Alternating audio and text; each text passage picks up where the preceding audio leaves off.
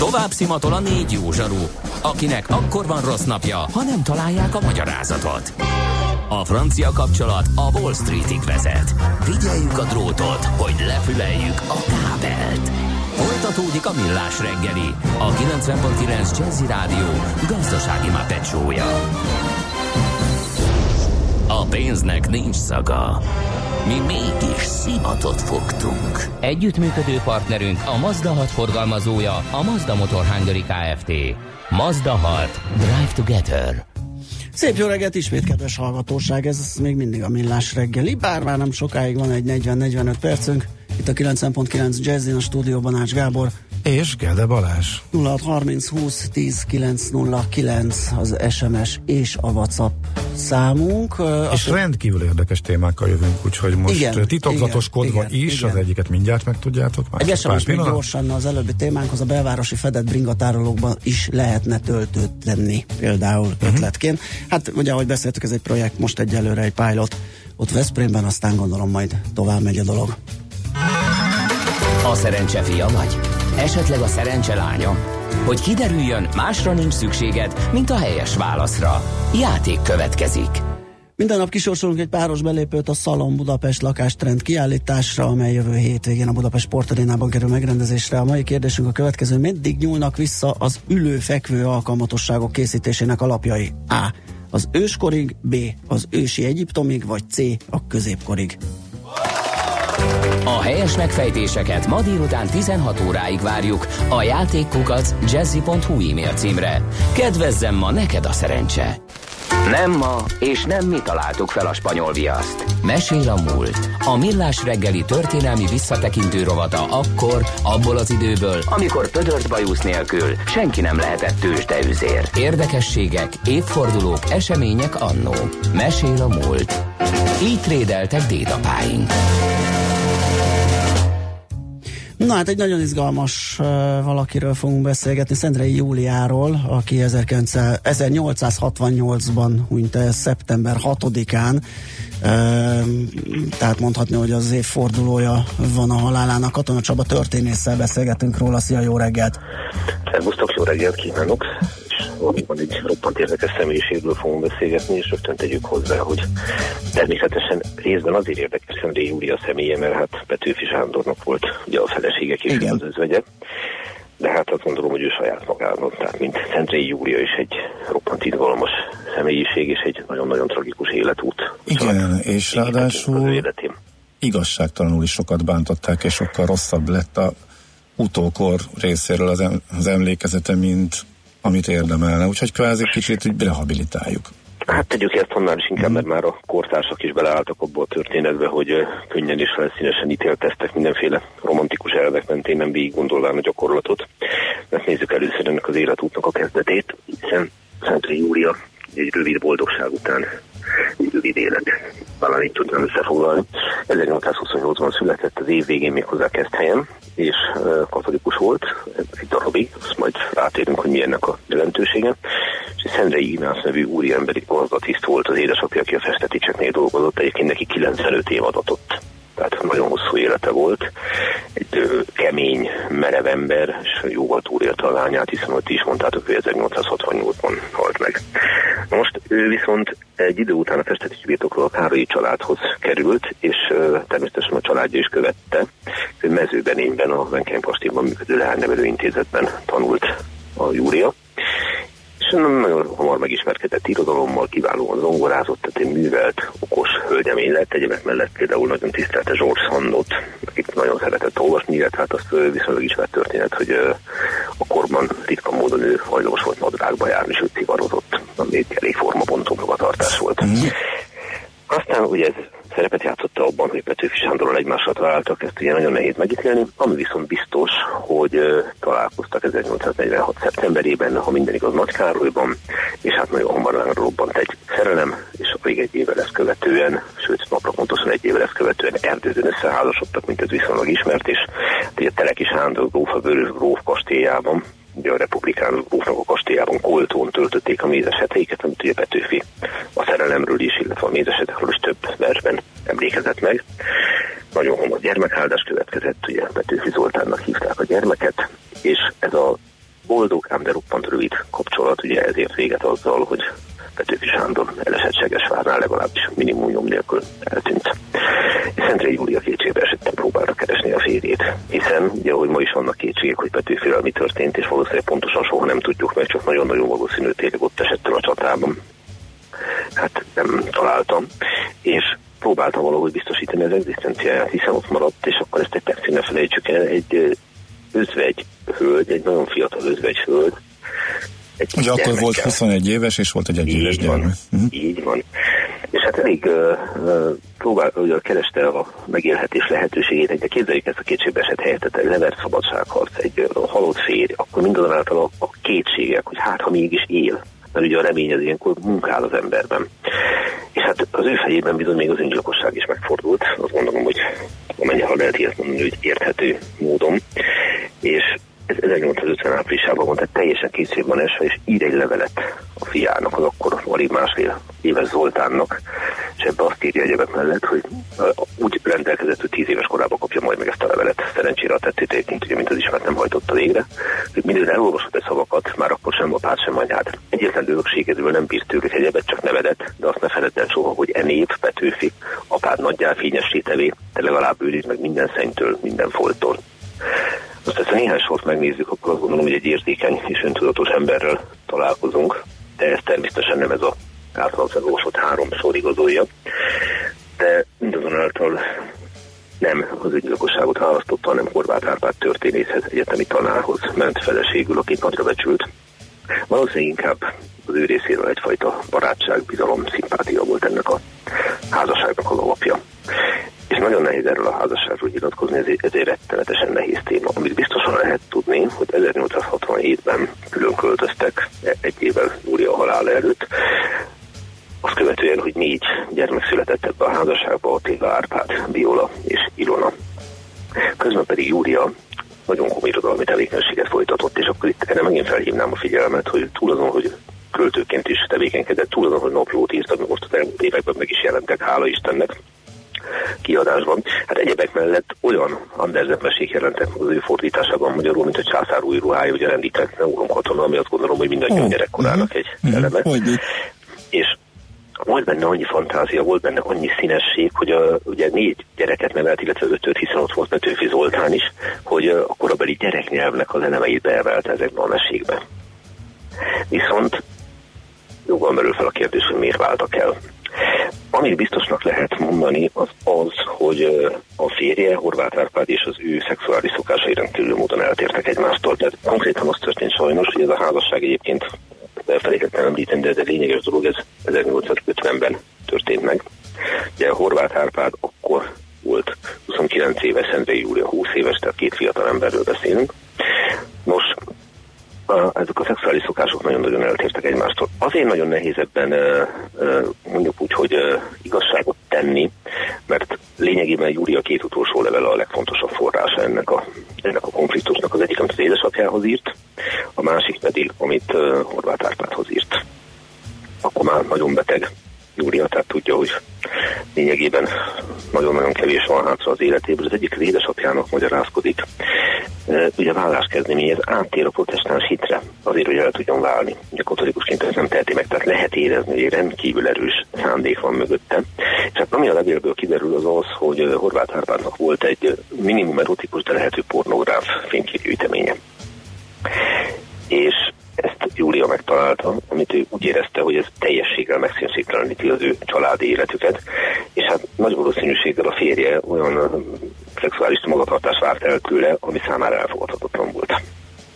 És azt most képzeljük el ezt a konfliktust így a 19. század terekán. Tehát konkrétan, ha idézem akkor Júliát, hogy utolsó üzenete férjének, nevezetesen Horváth Árpádnak, ami tényleg a halál előtt nagyon kevéssel ír neki, és a következőt írja, idézem, azt mondja, hogy minden lépés, melyet az ember tenne sídomhoz, oly fájdalmat okozna poraimnak, ez ember alatt értendő Horváth Árpád.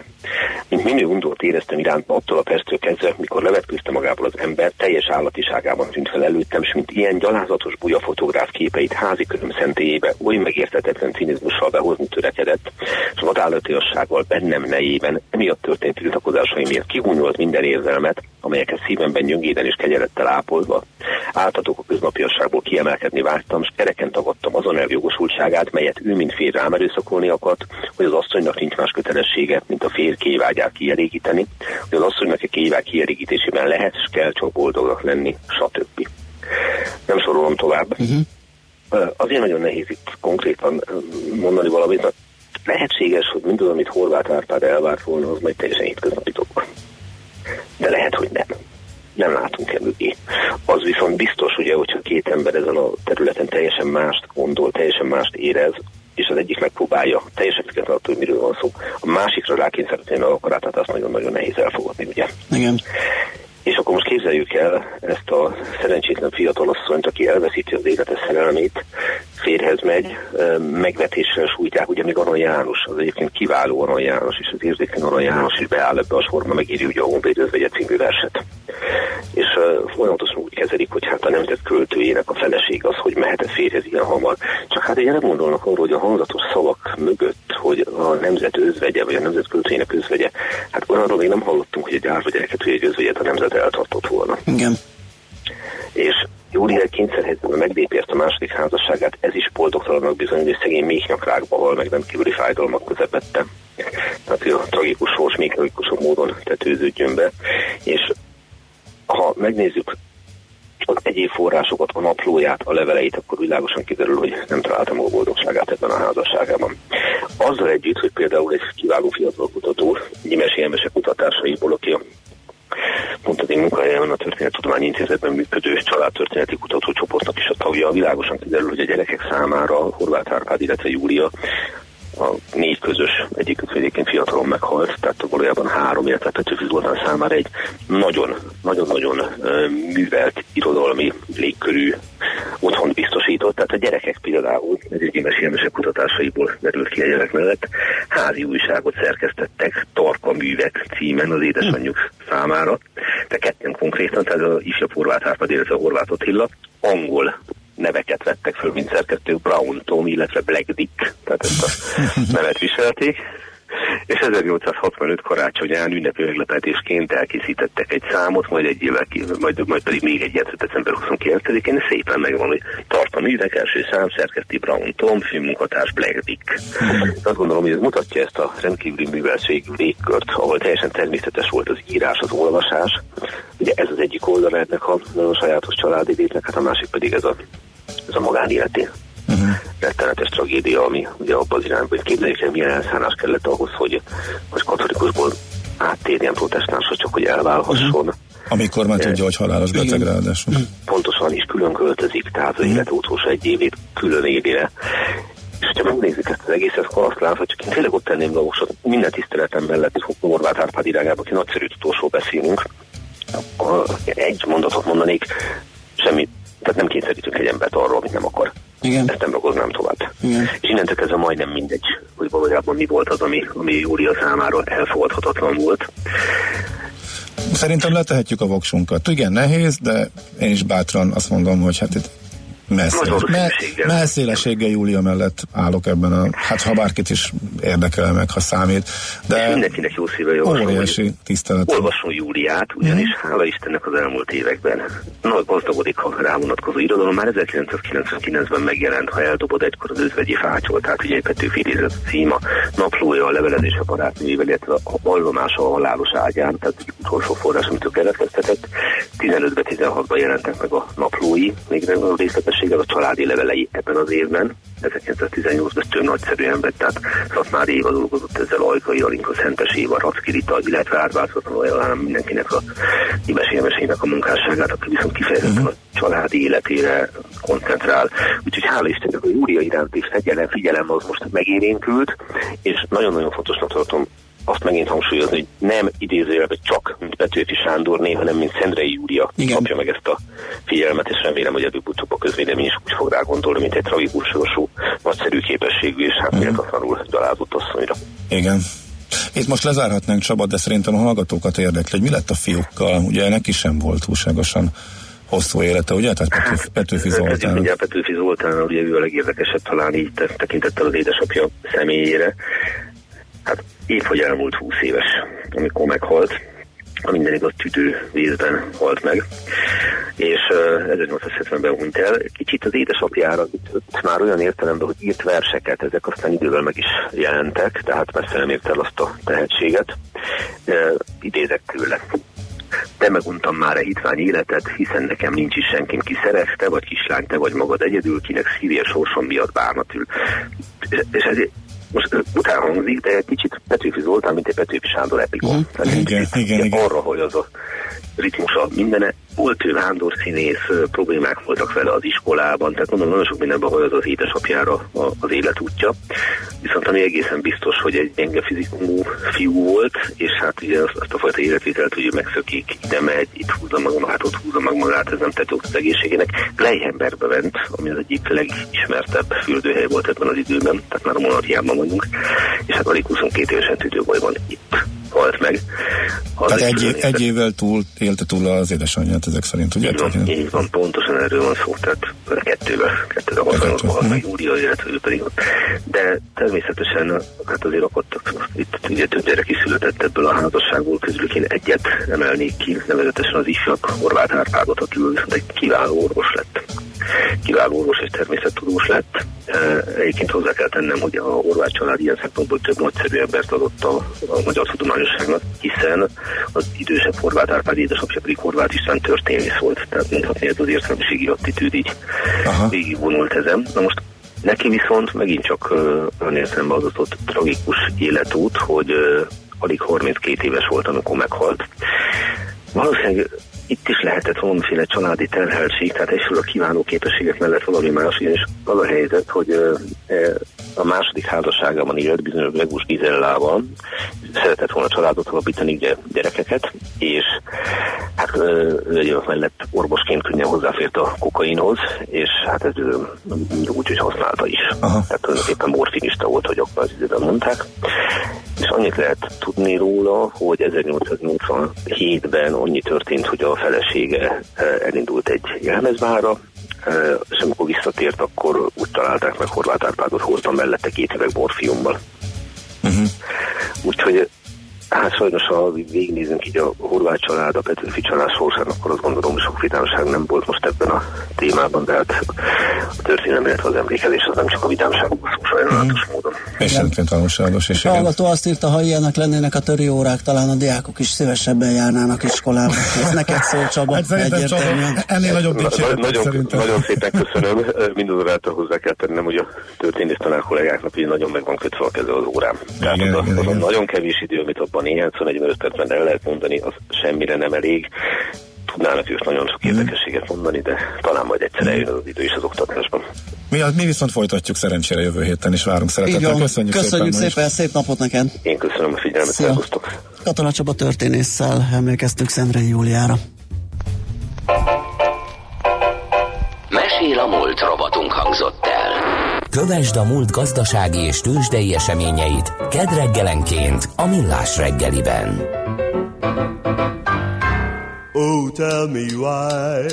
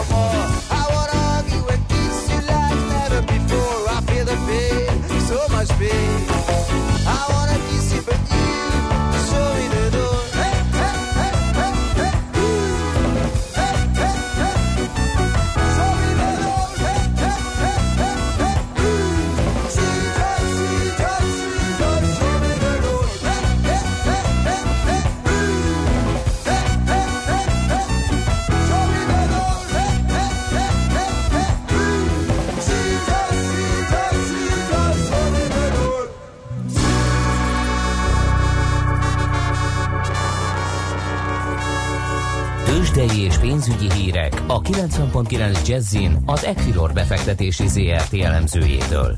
Equilor, a befektetések szakértője 1990 óta. Nézzük, hogy a tegnapi forgalom és árelmozdulások tekintetében is kicsit lazább nap után, mi történik a Budapesti értéktősdén. Varga Zoltán elemző segít ebben. Szia, jó reggelt! Sziasztok, jó reggelt kívánok! Mi újság, hogyan produkál a bőrze? Egyelőre mínuszban vagyunk, 37 ezer pont alá süllyedt a Bux Index, ez 250 pontos, durván 250 pontos ö, csökkenésnek felel meg. A MOL húzza le az, alapvetően a hangulatot, 1,3%-os csökkenés látható az olajtársaság árfolyamában 2902 forintonál 755 millió forintos forgalom mellett. Második az OTP 136 millió forinttal 10.300 forinton áll a bankpapír fél százalékos csökkenésnek felel meg.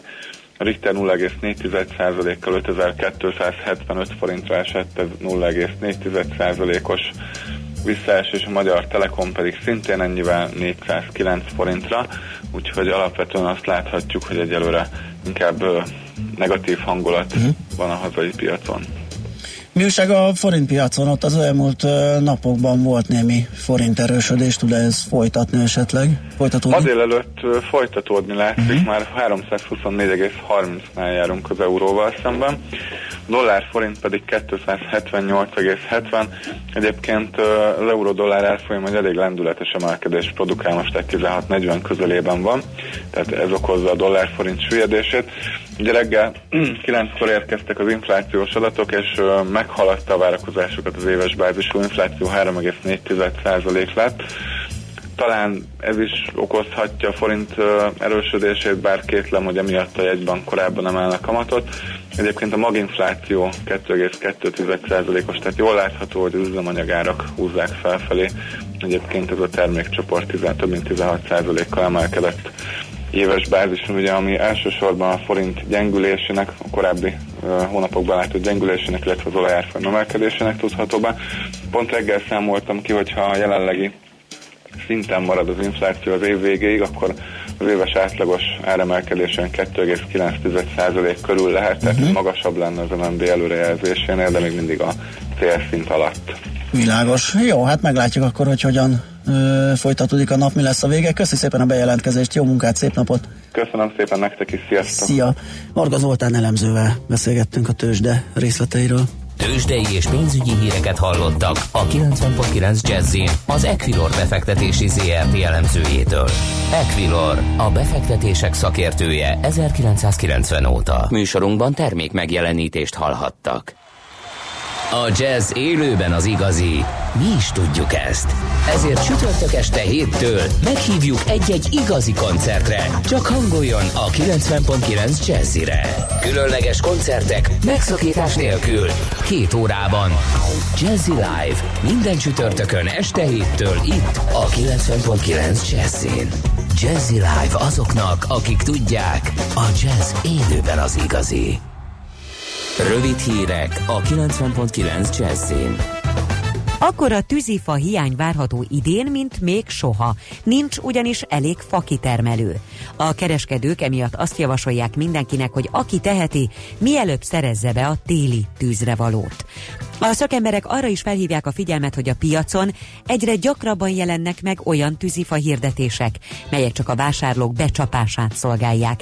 Ilyeneket az internetről már több tucatot tüntettek el a hatóságok, de a fa vásárláskor óvatosnak kell lenni.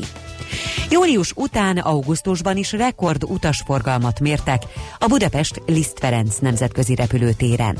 1 millió 527 ezer utast regisztráltak, 12 ezerrel többet, mint júliusban, és ezzel új csúcs született. Soha nem fogadtak még ennyi utast Ferihegyen egy hónap alatt. Az egy évvel korábbihoz képest közel 15%-kal nőtt az érkezők és indulók összlétszáma.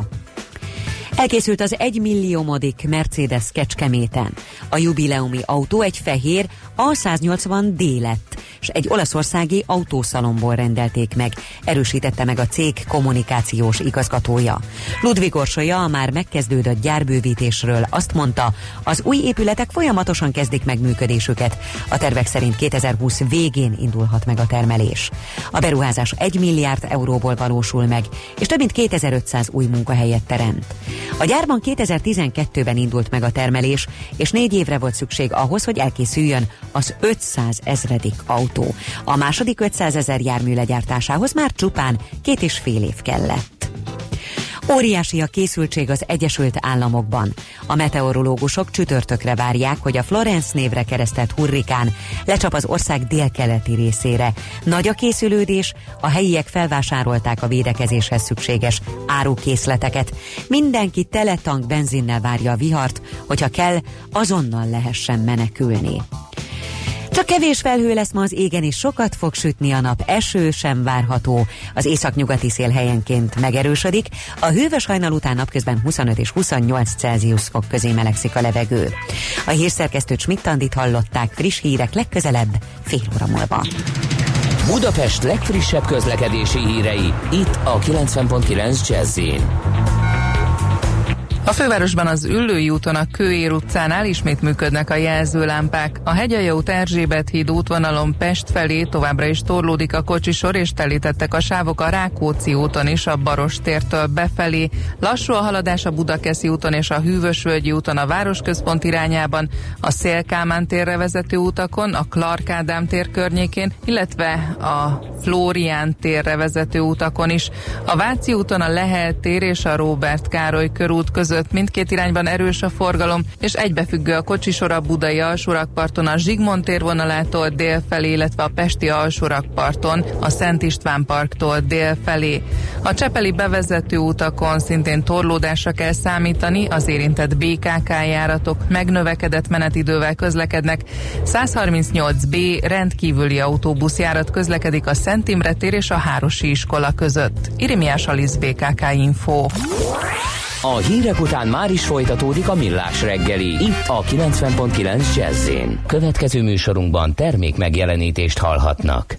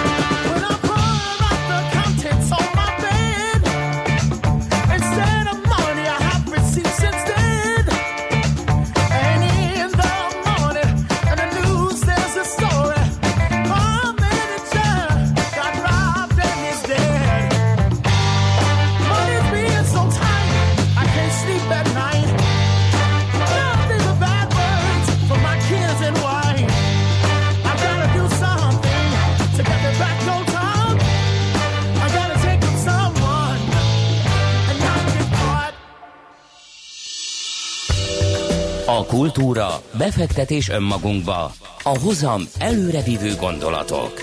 Könyv, film, színház, kiállítás, műtárgy, zene. Ha a bankszámlád mellett a lelked és szürke állományod is építeni szeretnéd. Kultmogul. A millás reggeli műfajokon és zsánereken átívelő kulturális hozamgeneráló rovata következik.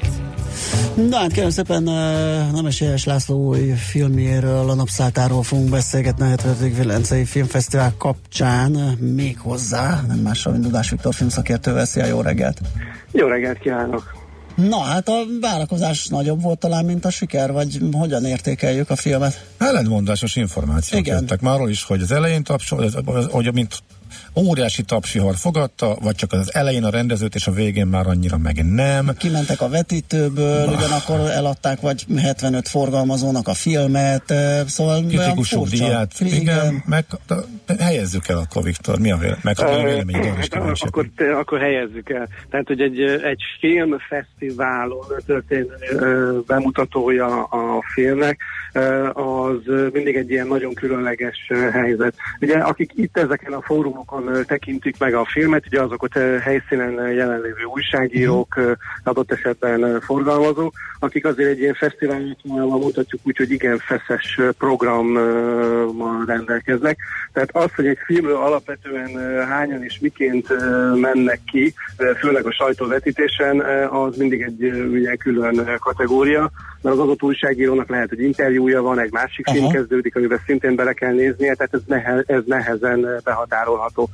Amikor az esti úgymond nagyvetítésen, ahol már ugye úgymond érdeklődő közönség vesz részt a filmen, az már mondjuk sokkal mérvadóbb, hogy ott hányan és miként hagyják el a termet. Na most Amennyire én uh, tudom, azért ott olyan jelentős elszivárgás, miatt mondjuk aggódni kellene, uh, az uh, nem volt. Uh-huh. És hát végül is az, hogy a, a filmkritikusok uh, díját a Velencei Filmfesztiválon megkapta az alkotás, azért azt gondolom, hogy az mindenféleképpen egy uh, sikerként könyvelhető el. Már csak azért is, mert ugye a filmkritikusok, azok ugye mindig a filmesztétikai és a, az egyéb ehhez kapcsolható értékek mentén uh, hozzák meg adott esetben a döntéseiket, tehát ugye míg mondjuk egy zsűri esetében lehet, hogy egyéb dolgok is meghúzódnak a háttérben, hogy ki és mikor és hogyan kap díjat. Aha, mm, te láttad?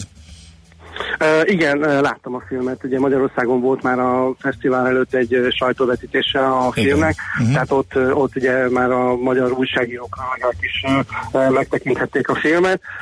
Na, mesélj. Hát nehéz elvonatkoztatni a nyilván a Saul fiától, mert gyakorlatilag hasonló eszköztárral és hasonló képi világgal operál a film. Csak annyi, ez, is, ez is felmerült kritikaként bizonyos helyeken, ugye, hogy ez a kézikamerás módszer a Saul fiában, ez a gyorsvágásokkal ott nagyon működött, itt ilyen zavarossá tette a filmet.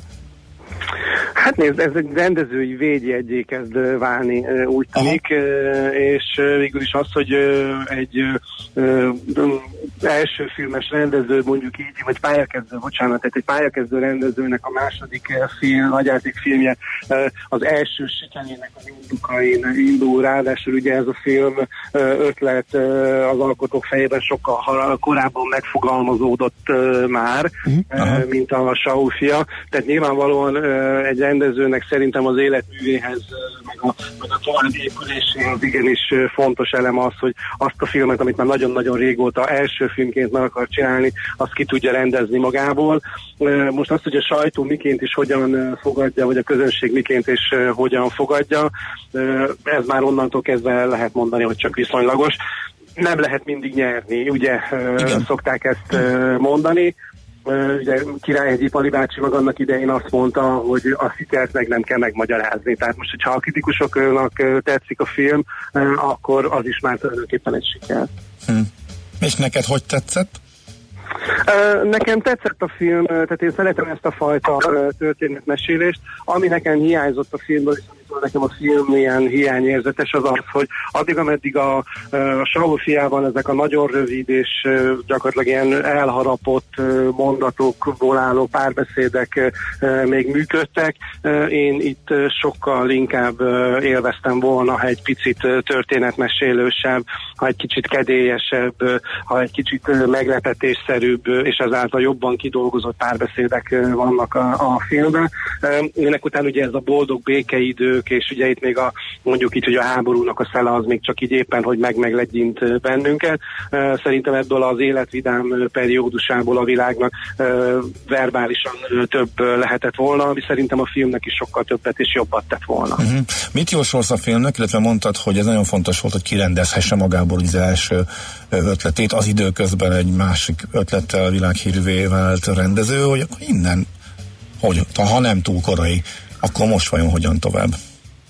Hát ezt mindig az alkotónak kell eldönteni. Ugye vannak olyan alkotók, akik az első nagy siker után egyből igent mondanak Hollywood lelkes és már-már ellenállhatatlan hívó szavára, de hát itt most úgy tűnik, hogy Nemes Jeles László nem ezt az utat választja. Azt, hogy most a következő filmterv az mi és hogyan lesz, azt most nyilván persze nehéz megjósolni.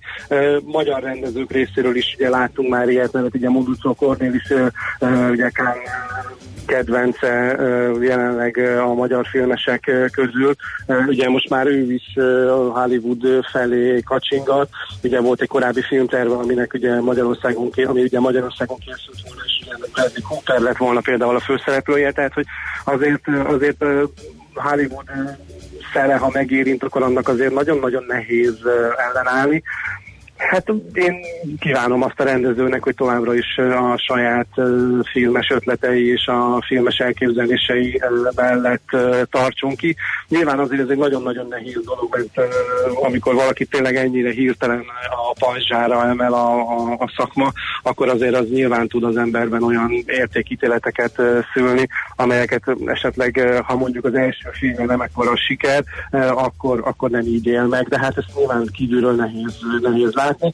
Azt azért mindenféleképpen örömteli és jó elmondani, hogy, hogy ismét van egy olyan fiatal magyar rendező, és itt azért hangsúlyozzuk az ismét, mert azért most az elmúlt 8-10 évre, hogyha visszatekintünk a magyar film nemzetközi sikerei kapcsán, akkor, akkor azt gondolom, hogy van mire büszkének lenni Nemes Jeles László felbukkanása előtt is, uh-huh. meg mondjuk most például pont párhuzamosan a Velencei Filmfesztivállal együtt volt a Montreali Filmfesztivál, ahol, ahol Szász Attila az Örök Tél című filmjének, televíziós filmjének a rendezőjeként a legjobb rendeződíjat kapta, és Topolánszki Iván Tamásnak a, a Kertész Imléről forgatott Curtis című filmje pedig a legjobb film díját kapta. Tehát, hogy jelen pillanatban lehet azt mondani, hogy tényleg az egész világ ránk és Magyarországra is figyel. Tehát, Tehát most nagyon-nagyon jó dolog fiatal magyar filmesnek lenni, mert egyrészt vannak biztos források, másrészt a szakma is nagyon figyel minket, tehát lehet fesztiválokon hmm. sikert elérni jó filmekkel. Hmm. Ezt nagyon jó hallani. Okay, igen. Ó, Mikor látjuk a mozit? Mi is? Uh, hát uh, ha minden igaz, akkor ugye szeptember 27-től indul a magyar forgalmazás, tehát szeptember utolsó hetében uh, már a, a magyar mozipénztáraknál is sorba lehet állni, és jegyet lehet váltani ja. a. Oké, okay, szuper, köszönjük szépen, szép napot! Én is köszönöm, szép napot Szia. nektek! Dudás Viktor filmszakértővel beszélgettünk Nemes László új filmjéről. Kultmogul.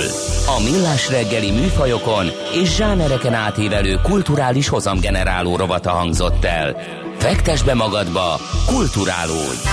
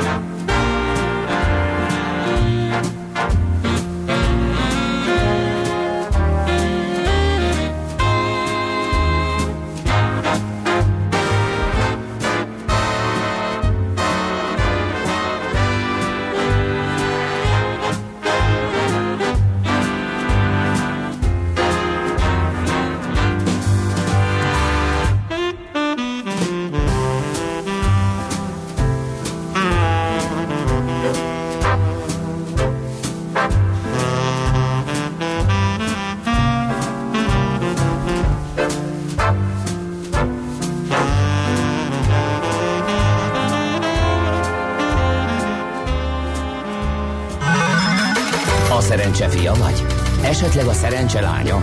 Hogy kiderüljön, másra nincs szükséged, mint a helyes válaszra. Játék következik. Minden nap kisorsolunk egy páros belépőt a Szalon Budapest lakástrend kiállításra, amely jövő hétvégén a Budapest sportarénában kerül megrendezésre. Mai kérdésünk a következő, meddig nyúlnak vissza az ülő-fekvő alkalmatosságok készítésének alapjai? A. Az őskorig, vagy B. Az ősi Egyiptomig, vagy C. A középkorig? A helyes megfejtéseket ma délután 16 óráig várjuk a játékkukac jazzy.hu e-mail címre.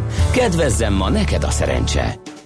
No, hát ennyi fér bele a mai műsorba. Köszönjük szépen a megtisztelő figyelmet. Holnap lesz majd megint millás reggeli 3 héttől.